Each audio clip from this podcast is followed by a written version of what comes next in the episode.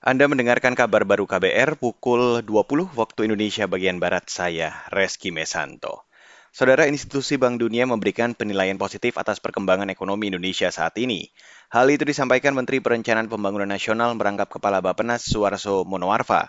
Suarso hari ini mendampingi Presiden Joko Widodo menerima delegasi Bank Dunia di Istana Merdeka, Jakarta.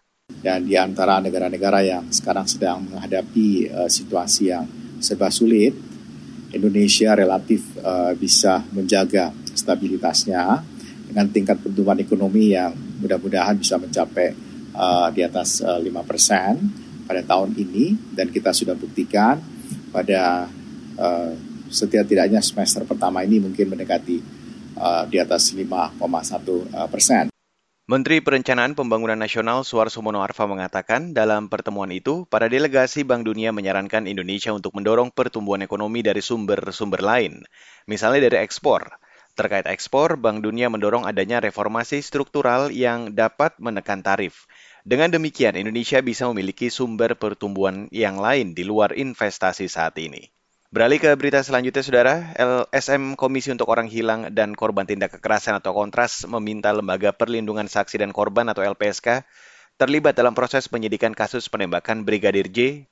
Peneliti Kontras Rosie Brilian menilai keluarga Brigadir J rentan menerima intimidasi sehingga tidak dapat memberikan keterangan yang objektif dalam penyelidikan kami sebenarnya meminta agar uh, eh, LPSK begitu ya itu juga mengintervensi proses kasus ini agar keluarga dalam proses pengusutan, proses membantu agar kasus ini bisa terbuka secara transparan itu tanpa mendapatkan eh, langkah-langkah intimidatif. Karena memang sangat-sangat besar potensinya bahwa keluarga ini akan ditekan gitu ya. Akhirnya dia tidak memberikan keterangan secara apa namanya secara objektif Peneliti Kontras Rozi Brilian mengatakan LPSK perlu memastikan keluarga Brigadir J dapat memberikan keterangan yang transparan dan faktual serta terbebas dari tekanan pihak-pihak tertentu.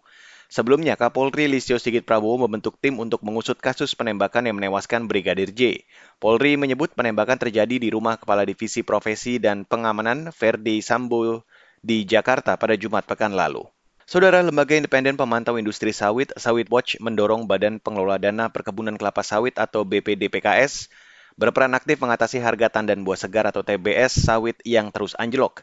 Direktur Eksekutif Sawit Watch Ahmad Surambo mengatakan BPDPKS semestinya memiliki kebijakan tersendiri untuk memberikan stimulan pada petani sawit. Nah, mereka tupoksinya itu kan hanya dalam kerangka PSR ya, eh, peremajaan sawit rakyat. Selain itu juga ada riset-riset segala macam. Nah, menurut saya BPDK seharusnya mengeluarkan satu kerangka investigasi menyeluruh, membiayai tim akademisi atau apa untuk mencari solusi terhadap hal ini kan bisa lewat riset-riset kecil begitu dia bisa bisa apa lakukan ini sehingga bisa memberikan solusi terhadap pemerintah untuk wilayah di sini ini segini gitu loh itu yang ini Direktur Eksekutif Sawit Watch Ahmad Surambo menambahkan saat ini harga tandan buah segar kelapa sawit dalam negeri cenderung anjlok. Padahal harga minyak sawit atau CPO dunia cukup baik. Kondisi ini membuat banyak petani sawit merugi. Harga tandan buah segar kelapa sawit di tingkat petani di Indonesia hanya sekitar Rp1.000 per kilogram. Paling rendah di antara negara-negara penghasil sawit di Asia Tenggara. Dan saudara, demikian kabar baru saya Reski Mesanto.